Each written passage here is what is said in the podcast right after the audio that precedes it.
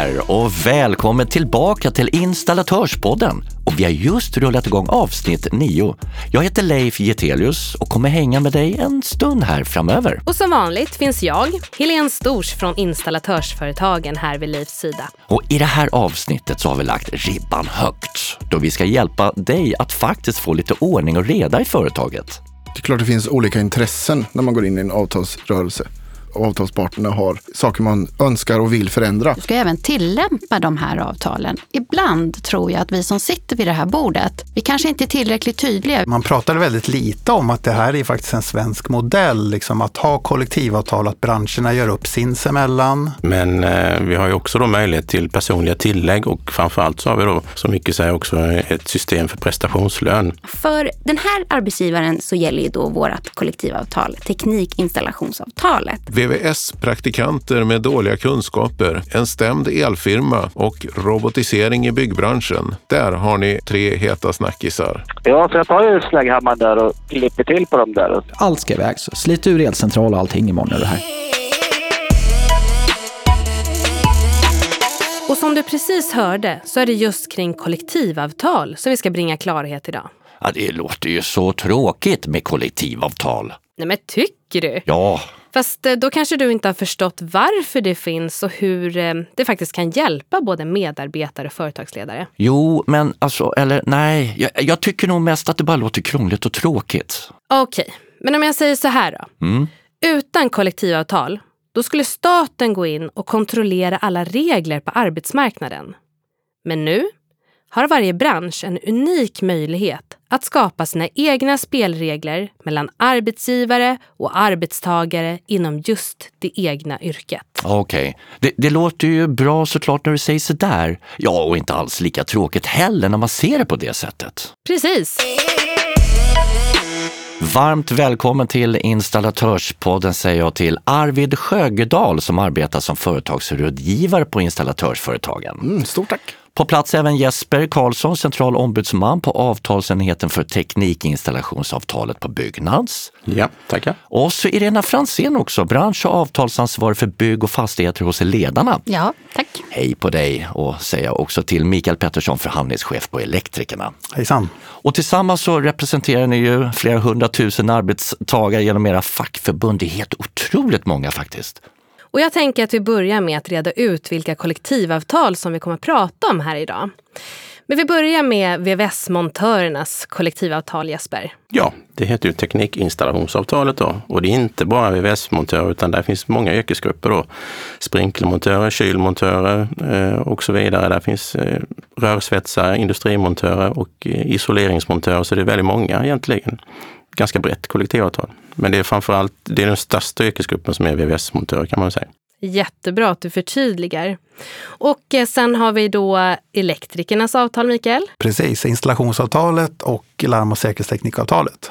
Och eh, tjänstemännens avtal som installatörsföretagen samförhandlar med Glasbranschföreningen, Måleriföretagen, plåt och väntföretagen och maskinentreprenörerna. Irena. Ja, och på tjänstemannasidan så är det ju Ledarna, Sveriges Ingenjörer och Unionen. Eh, så det är väldigt många tjänstemän och chefer under det avtalet. Och avtalet heter? Tjänstemannaavtalet heter det. Vad bra, då vet ni vad vi ska prata om och varför just ni är här. Och jag var lite inne på det i vårt försnack, Leif, att eh, varje bransch har en unik möjlighet att kunna forma sina egna regler efter de förutsättningar som finns i den egna branschen. Men vad tycker just ni som sitter här idag är det absolut bästa med kollektivavtal?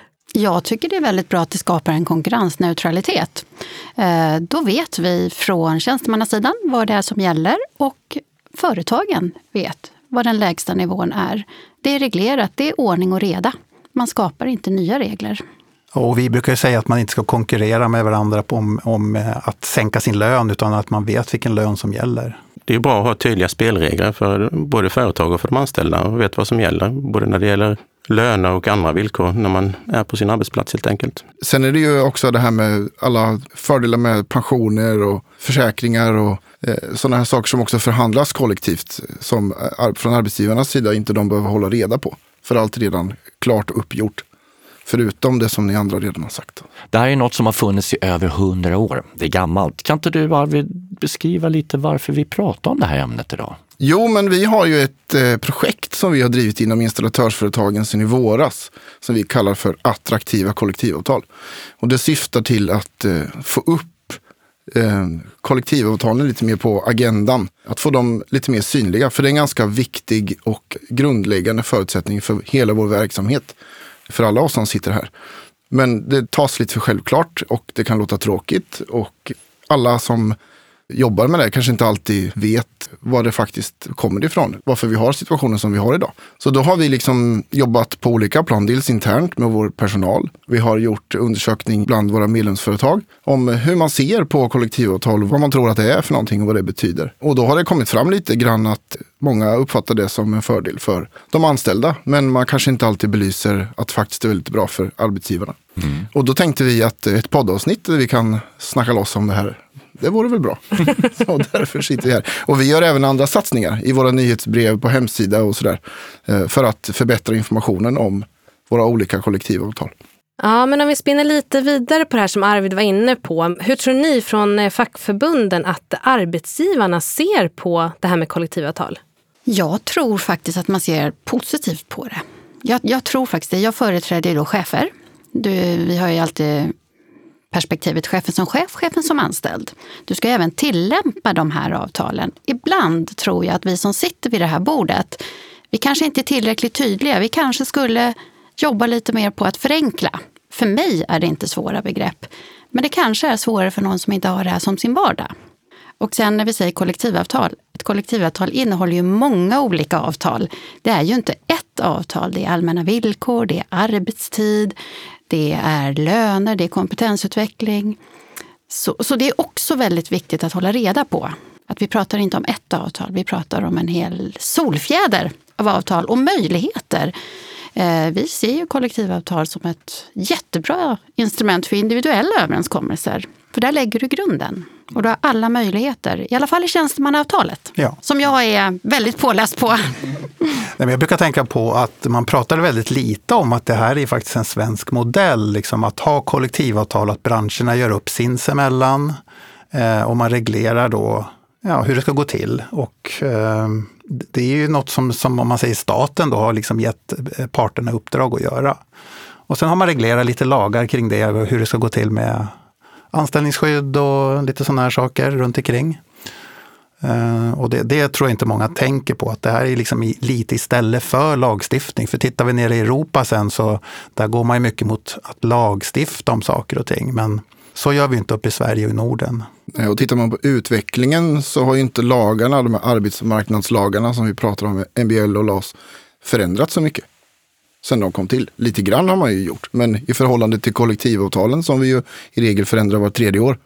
Det är ju där man anpassar mm. Och gör de här överenskommelserna. Som, Precis. Den här solfjädern. Som... Ja, och sen kan man säga fördelen med branschvisa förhandlingar är att vi vet ju hur branschen funkar.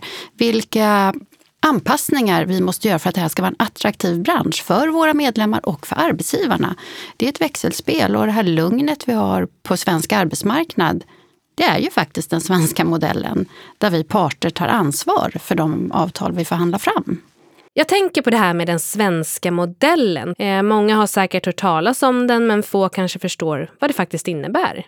Ja, nej, men det bygger ju på att, eh, jag, jag, brukar säga staten, för då behöver man inte säga något politiskt parti, men, men lagstiftaren då har liksom satt regelverket kring eh, vem som får teckna avtal och det är de centrala parterna och sen har man liksom regler kring hur man ska förhandla och hur man, att man har rätt att teckna avtal, de här bitarna.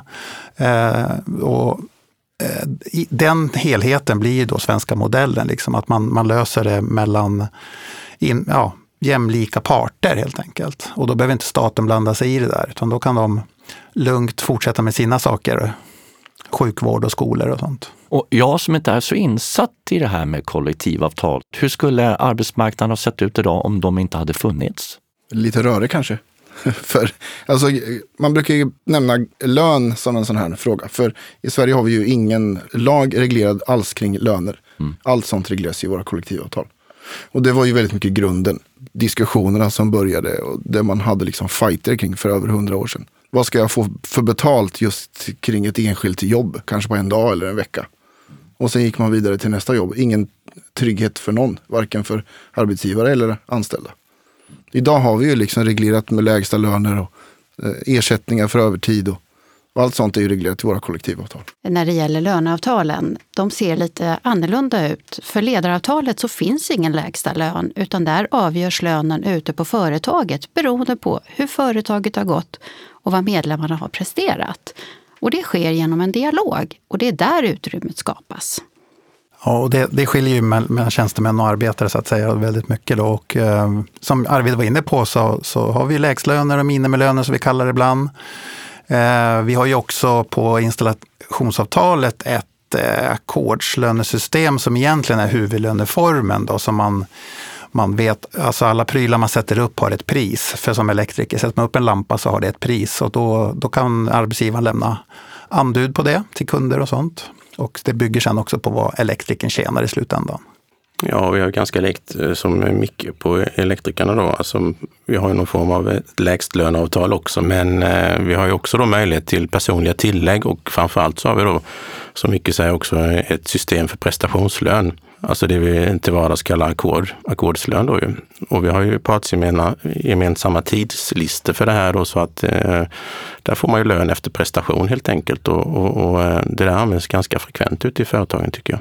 Men eh, hur tokigt skulle det kunna bli om två vitt skilda yrken hade samma regler som egentligen inte passade för någon? Jag tror det skulle kunna bli väldigt stelt. Jag tror det skulle kunna bli väldigt mycket regler som inte passar för den verksamheten. Och då tror jag att man skulle skapa egna regler som inte skulle gynna verksamheten. Att det blir subkulturer och subregler eh, när man inte anpassat helt. Ganska mycket utrymme för godtyckliga individuella uppgörelser tror jag. Och det är de vi inte vill ha. Om vi ska ha konkurrensneutralitet och ordning och reda, det är ju de vi försöker jobba bort med våra branschanpassade avtal. Jag tänker att eh, om man inte skulle ha sådana rikstäckande kollektivavtal. Jag tror att man skulle ha mycket rörigare arbetsmarknad. Eh, anställda skulle byta jobb mycket mer utefter vad man hade för villkor och, och uppgörelser från företag till företag. Men idag så är det ju lika. Det spelar ingen roll om du är, är liksom en rörmokare i Kiruna eller i, i Malmö så är det samma kollektivavtal och regler som gäller. Vi har ju grunderna, om man säger så, reglerat i kollektivavtal. Alltså, där är staketet, lägre än det får man inte betala. Men sen så är det ju fluktuerat över landet och idag kan jag säga, alltså, precis som du säger i Kiruna då till exempel, så är löneläget högre, mycket beroende på varför det byggs så mycket där uppe helt enkelt. Då, va? Så att det är ju också en form av reglering på, på lokal ort eller på företag helt enkelt. Då, så att, men vi har ju vi tycker inte om det du har där som eh, sifferlösa avtal egentligen. Vi tycker det är jättebra. Ja, det gillar inte vi, utan vi vill ha ett golv. Men sen så finns det ju ingen, eh, the sky is the limit som vi säger då. Va? Precis så säger vi också. Ja, men vi har, vill ha ett golv att stå på för att nå uppåt eh, skyarna om man säger så. En stor del av kollektivavtalen handlar ju om avtalspension. Vad kan ni säga om det? Jag tänker att det är ganska enkelt för dem då som ska eh, köpa de här försäkringarna, tjänstepensionerna åt våra eh, kollektiv så att säga. Det är ju att det är en väldigt stor grupp och eh, risken blir ju väldigt liten så att man kan ha låga avgifter och det blir liksom lika för alla.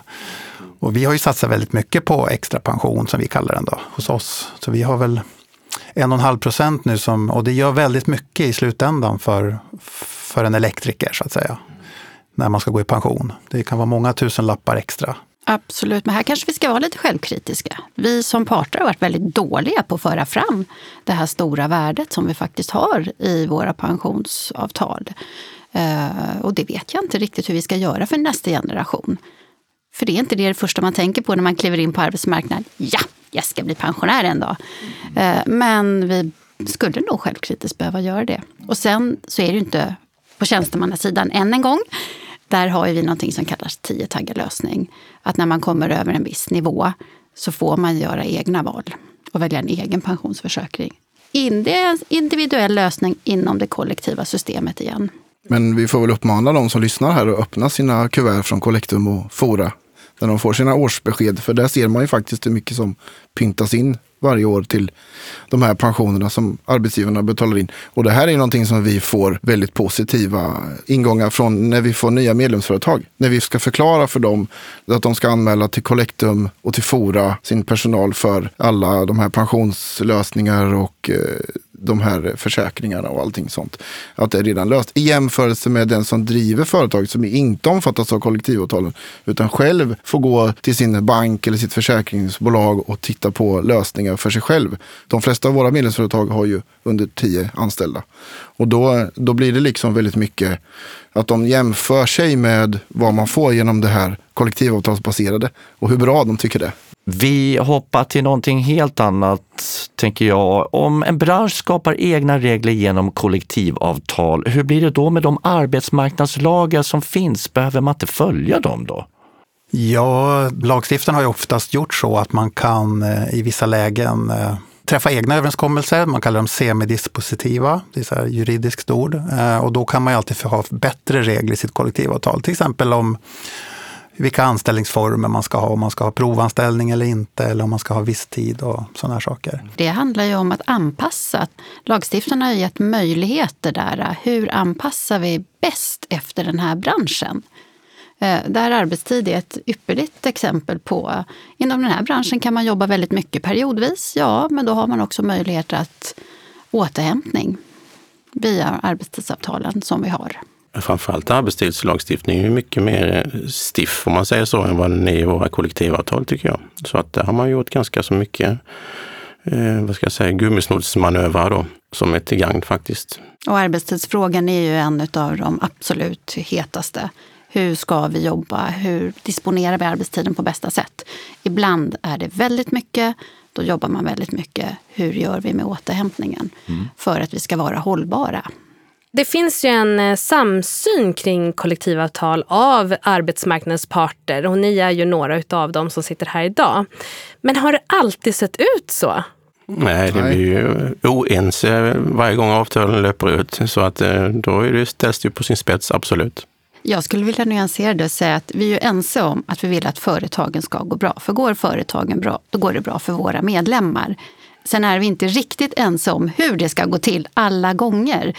Eh, vi ser lite olika vägar till det, men det övergripande målet skulle jag nog säga att vi alla är överens om. Det är klart det finns olika intressen när man går in i en avtalsrörelse. Och man överlämnar avtalsförslag och båda avtalsparterna har i alla olika avtal. Saker man önskar och vill förändra. Men det grundläggande i kollektivavtalen kvarstår ju i regel. Och, alltså avtalsperiod efter avtalsperiod. Och så skruvar man till det lite grann och enas om löneökningar och, och hur ersättningar ska räknas upp till exempel. Eller andra saker som man gör för att anpassa kollektivavtalet till tiden. Jag har hört att ni har kommit överens om att inte bråka. Fredsplikt tänkte du? Ja. Mm, så är det ju. Stämmer det? Det stämmer. Utveckla. Nej, men under den tiden som kollektivavtalet löper och gäller så att säga så får vi ju inte vidta några, som man säger, stridsåtgärder utan då, då är, ska man jobba och förhålla sig till det man har kommit överens om helt enkelt. Då, Svårare än så är det inte. Där finns det ju, då har vi ett tvistelösningssystem när vi kommer oense om vad vi har kommit överens om, så att säga. Eh, eller om man har fått fel lön eller om man har något sånt. Då, då har vi lokala centrala förhandlingar och sen kan man ju avsluta med i Arbetsdomstolen också om man inte kommer överens innan dess. Då, så att säga. Så att på, under pågående avtal då har vi sådana system för att lösa frågorna. Jag skulle nog vilja säga att vi har en väldigt lugn arbetsmarknad för att vi centrala parter faktiskt har ett ansvar. Räknar man våra konfliktdagar jämfört med hur det ser ut ute i Europa så har vi mycket att tacka den svenska modellen för. Men om vi bryter ner det här med kollektivavtal till what's in it for me.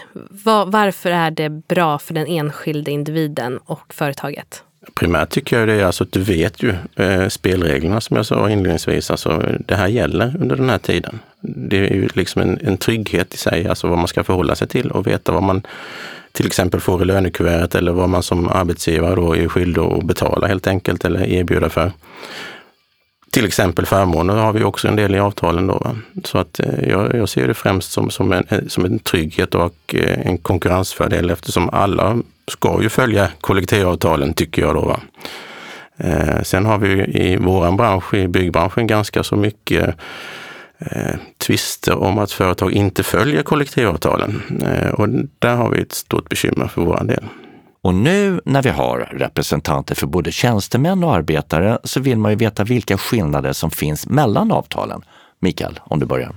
Ja, nu har inte jag lusläst eh, tjänstemannaavtalen, men, men jag vet ju, jag brukar prata om att vi, vi tar ut ett värde på kollektivavtalen som, är, som nu är en 11 miljarder kronor. Och det är ju liksom ett, ett, en, en, eh, en nivå som man då kan säga speglar vad kollektivavtal är värt på något sätt. Om man skulle väga det på en våg så är det värt just nu 11 miljarder per år.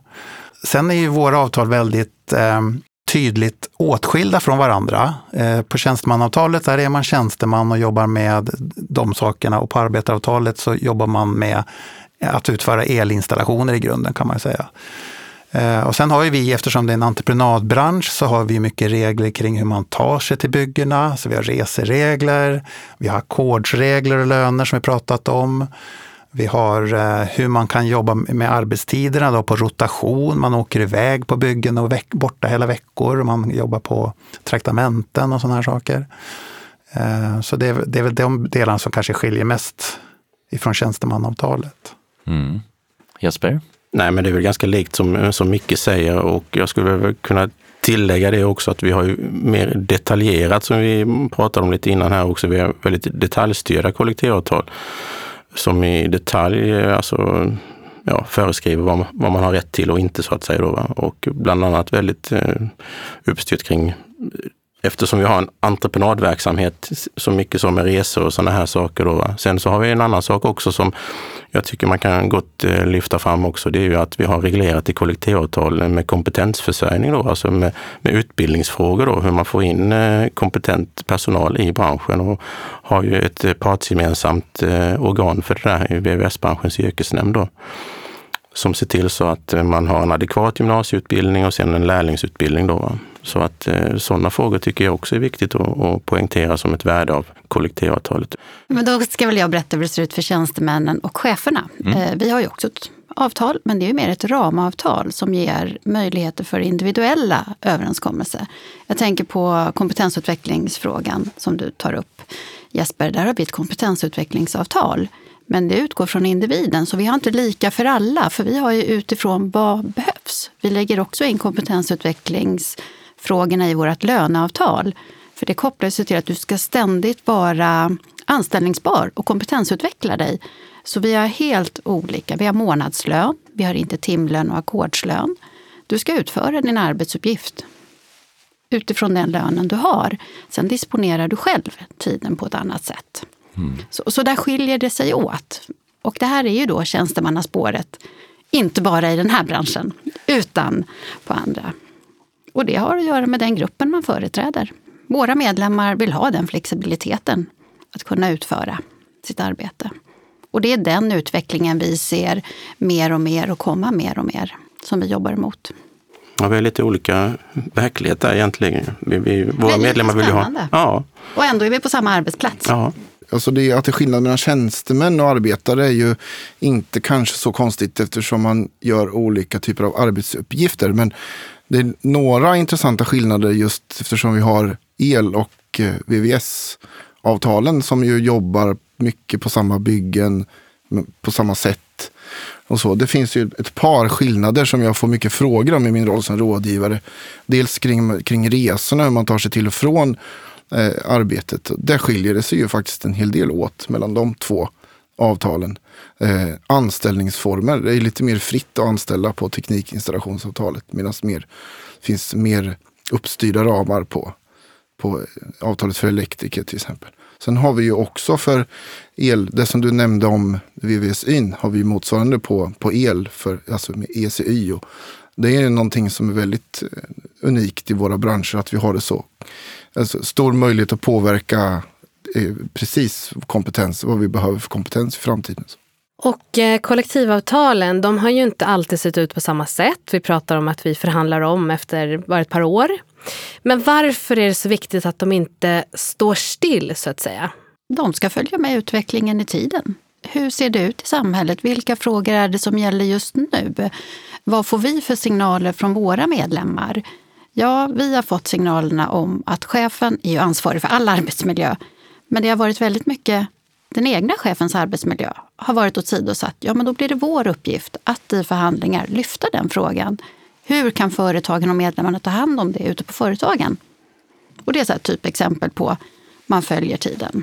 Och det är ju en jätteviktig sak du nämner med medlemmarna här. För det är ju samma för oss i arbetsgivarorganisationen. Det är ju våra medlemsföretag som eh, hör av sig eller som vi begär in åsikter eller eh, vad man ska säga, förslag på förändringar inför en avtalsrörelse. Precis som ni jobbar med hur ni nu gör med att man skriver motioner eller uttrycker. Och ju fler som vill samma sak, desto större kraft har ju vi att driva de frågorna i en avtalsrörelse. Och det är ju precis allt det baseras på. Förändringarna som genomförs i en avtalsrörelse. Trycket från medlemmarna.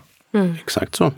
Precis, och sen försöker vi också titta på lite framtidsfrågor. Vad, vad ligger i framtiden 2030 och så där. Och så försöker vi liksom spana lite om eh, utvecklingen i, i branschen.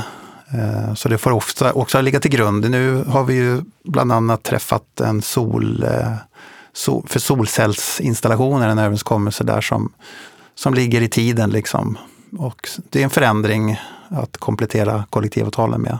Men när det kommer till, vi tänker lite, lite framtid, och det kommer till politik och arbetsmarknadsfrågor. Finns det någonting som ni som sitter här skulle önska därifrån? Låt parterna göra sitt jobb, lägger inte i, för vi kan det här och vi gör det bra. Precis, det kan vi bara understryka, mm. för det håller vi med om. Det är, Absolut. det är parterna som har det att göra. Och det är vi ju Absolut. eniga kring. Och vi har en god ton när vi har avtalsförhandlingar. Vi ser ju problem som behöver lösas. Avslutningsvis, hur skulle ni vilja förändra den allmänna uppfattningen så att, så att alla förstår hur bra det är med kollektivavtal? Ni har lyft massa bra grejer här idag, men om ni kanske ger er, era tre starkaste stalltips? Från arbetsgivarperspektiv så är det ju förutsägbarhet och håll, hållbarhet. Alltså att branschen blir hållbar om man har koll på när man ska räkna på ett jobb. Vad det kommer kosta framöver. Och eh, även allt det här med konkurrensfördel och att det är ungefär samma förutsättningar för de som jobbar inom samma bransch. Mm. Ja, och, och, väljer man som eh, ungdom och plugga till att bli elektriker, då har man ju en ganska god framtid också att eh, kunna försörja sig väldigt snabbt. Det är stabilitet på något sätt. Man vet en trygghet kan man ju säga också. Och jag tänker på att man ska kunna locka de bästa talangerna till den här branschen. Och då måste man ju kunna tydliggöra vilka villkor har vi och då kanske ordet kollektivavtal är ett litet hinder. Så skulle man komma på ett bättre ord så tror jag mycket skulle vara vunnet. Men nu, har, nu är vi inte där. Utan vi behöver nog jobba vidare på det att faktiskt för, få våra medlemmar att förstå hur viktigt det här är och arbetsgivarna. För det skapar ett lugn på arbetsplatsen så man kan arbeta med andra viktiga frågor. Jag, jag tycker inte kollektivavtal som ord är speciellt komplicerat och, och eh, vad ska jag säga, frånvändande så sett. Men jag är ju part i målet lite grann så. Va? Men jag tänker bristen är väl mer att folk inte förstår vad det innebär. Ja, vi får se till att knäcka den här 100 000 kronors frågan framöver. Stort tack för att ni kom hit idag. Tack. tack. tack. Men Leif, vad tycker du när jag säger kollektivavtal nu då? Ja, men som natt och dag. För en kvart, 20 minuter sedan, urtråkigt. Men nu förstår ju jag vad det handlar om och att man har kommit överens om spelreglerna i branschen kollektivt. Ah, vilken bra sammanfattning! Tack! För er som har missat det så finns det två tidningar vid namn Elinstallatören och VVS Forum som har en chefredaktör vars namn är Fredrik Karlsson och han tittar in i varje avsnitt och ger oss tre snabba, så även idag. Varsågod Fredrik. Nummer ett. VVS-praktikanterna kan inte det allra mest grundläggande. Det hävdar somliga företagare med dåliga erfarenheter. Sanningen är att det skiljer. Vissa skolor är jättebra medan andra inte ger eleverna samma yrkeskunskaper. Det beror i sig på hur bra skolan är, hur engagerade och skickliga lärarna är, hur bra rustad skolans verkstad är, hur bra praktikplatser eleverna får och en massa annat. Jag tror i alla fall på ökat fokus på kunskapskrav, precis som det blivit på de teoretiska gymnasieutbildningarna. Gärna avslutat med ett rejält branschprov som ger yrkescertifikat. Företagare kan bidra genom att engagera sig i utbildningen, Likaså är det centralt att eleverna får bra praktik, lärlingstid och senare sin första anställning. Nummer två. Sen var det den stämda elfirman. Bakgrunden är en elektriker som fixade elen på bottenvåningen i en villa i Uppsala och spänningssatte sedan hela huset. Två dagar senare började huset brinna på grund av den befintliga elen på övervåningen som var bristfällig. Elfirman stämdes, men protesterade och menade att återanslutningen inte alls ökade risken för brand. Rättsfallet sågs som principiellt viktigt. Är en elfirma ansvarig efter att ha kopplat in någon annans fulel? Men upplösningen har skett bakom kulisserna och vi får inte de tydliga svar vi hade velat ha. Nu står vi då här utan dom och en elfirma kan återigen bli stämd för att koppla in någon annans fulel. Men det går att dra en del slutsatser ändå, som att vara försiktig med vilka jobb man åtar sig och att sälja in elbesiktningar till kunderna tror jag är en bra grej. Nummer tre. Så till robotar. Jag deltog nyligen i ett panelsamtal om robotar i byggbranschen. Och jag tror inte att ni kommer att få se så många robotkollegor på byggena. Men att flytta vissa moment till en verkstad eller en tillfällig verkstad intill byggarbetsplatsen och där ha robotar, det tror jag är framtiden.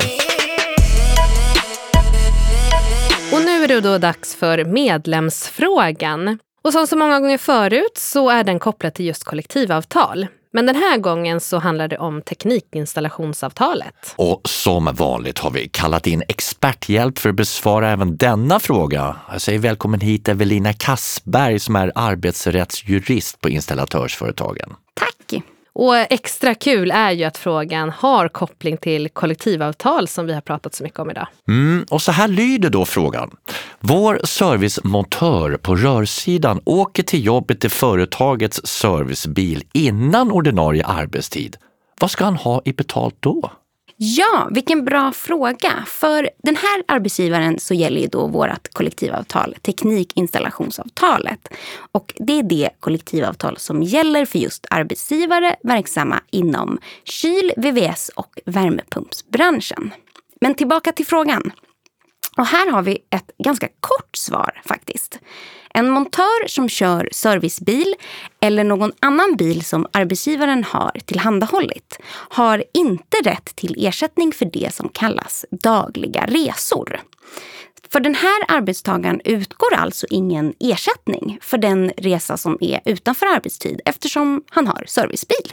Men om han hade kört en egen bil, då hade det varit samma sak då? Nej, om den här montören hade kört en egen bil eller, kört, eller tagit sig till jobbet på ett annat sätt med ett annat färdmedel, då kan det finnas en rätt att få någonting som heter reskostnadsbidrag. Men för att få reskostnadsbidrag så krävs det dels att arbetsdagen påbörjas och avslutas på en arbetsplats utanför företaget.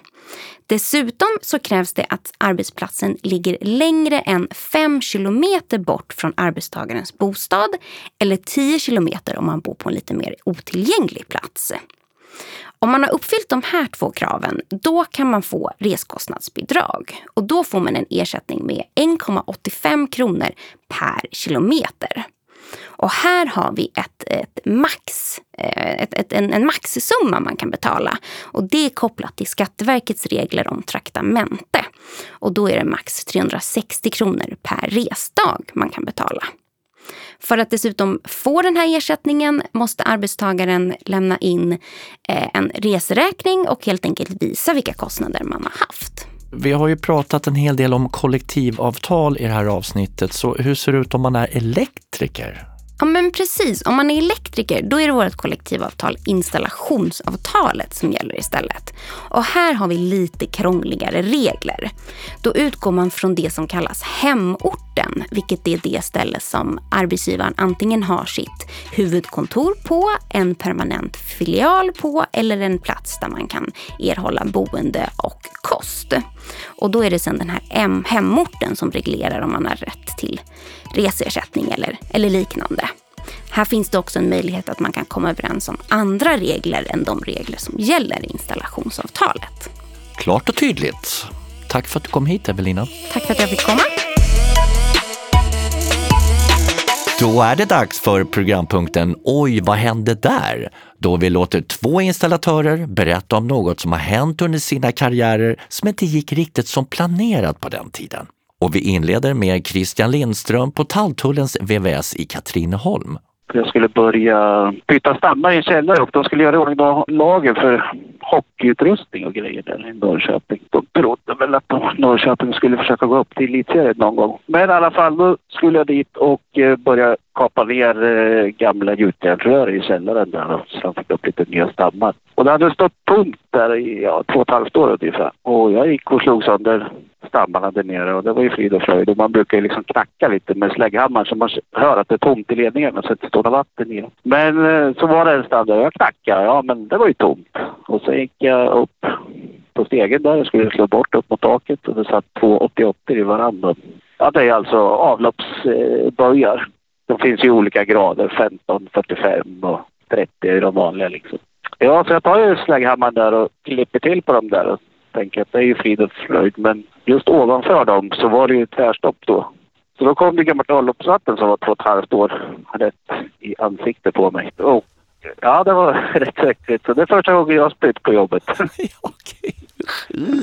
Ah, vi tar en story till vet jag, det här är kul. Denna gången från Thomas Eriksson på Stockholms elinstallatör. Det var ju min första, det var stället där jag skulle få anställning sen då inne på Frescati-området vid Stockholms universitet. Man hade ju avtal där och vi hade ju alla jobben åt de akademiska hus där som har eh, hela området där som försedde oss med jobb. Och det var ju en kul grej som hände med en gammal kollega där som Berra hette han, han var väl 60 bast plus någonting.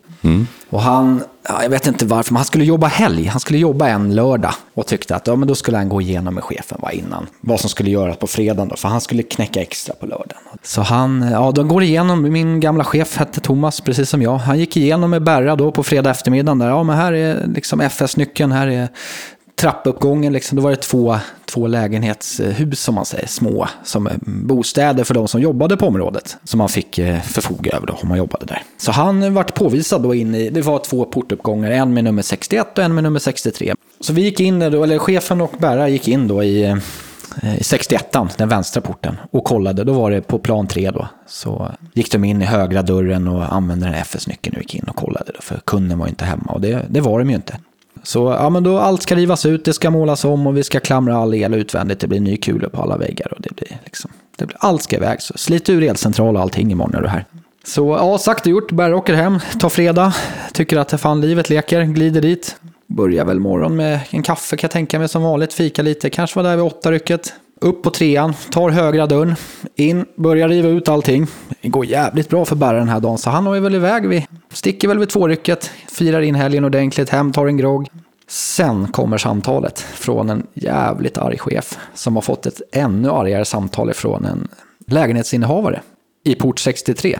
Så Berra har alltså gått upp i fel portuppgång, rivit ut all el på våning tre, rätt dörr, men i fel portuppgång. Så han har ju slaktat all el som finns i den här lägenheten då. Bara det att de som bodde där skulle inte ha någon el omgjord. Utan det, det var ju liksom, de var ju iväg på semester, kommer hem på lördagskvällen och de tror ju att de har haft inbrott. De har varit på vippen och ringa snuten. Så då fick ju jag, Chip, hjälpa till och åka tillbaka dit på lördagskvällen, återställa allting och du vet, det är ju som vanligt. Han eh, Berra då liksom ville ju inte ta på sig någonting, så han var ju inte där. Så att det var jag och min chef som får stå och klamra upp allting igen. Nej! Jo, Ja, men då är det dags att avrunda det här avsnittet, Leif. Va? Okej. Ja, ja. ja. Nåväl, jag har lärt mig så otroligt mycket av alla gäster idag och jag hoppas att du som lyssnar också har gjort det. Och som vanligt så vill vi att du kontaktar oss om du vill vara med i den här podden eller om det är något särskilt som du önskar att vi tar upp. Det här är ju faktiskt branschens podd. Och vilka olika vägar finns att tillgå för att komma i kontakt med oss då? Skicka ett mejl till info.in.se eller följ oss i sociala medier där vi är aktiva på Twitter, Facebook och LinkedIn. Du, det slog mig, jag har inte koll alls. Vet du vad som händer i nästa avsnitt? Ja, då ska vi fokusera på grön teknik, gröna installationer och hållbarhet. Spännande! Missa inte det hörni. Till dess, ha det gott! Hej då!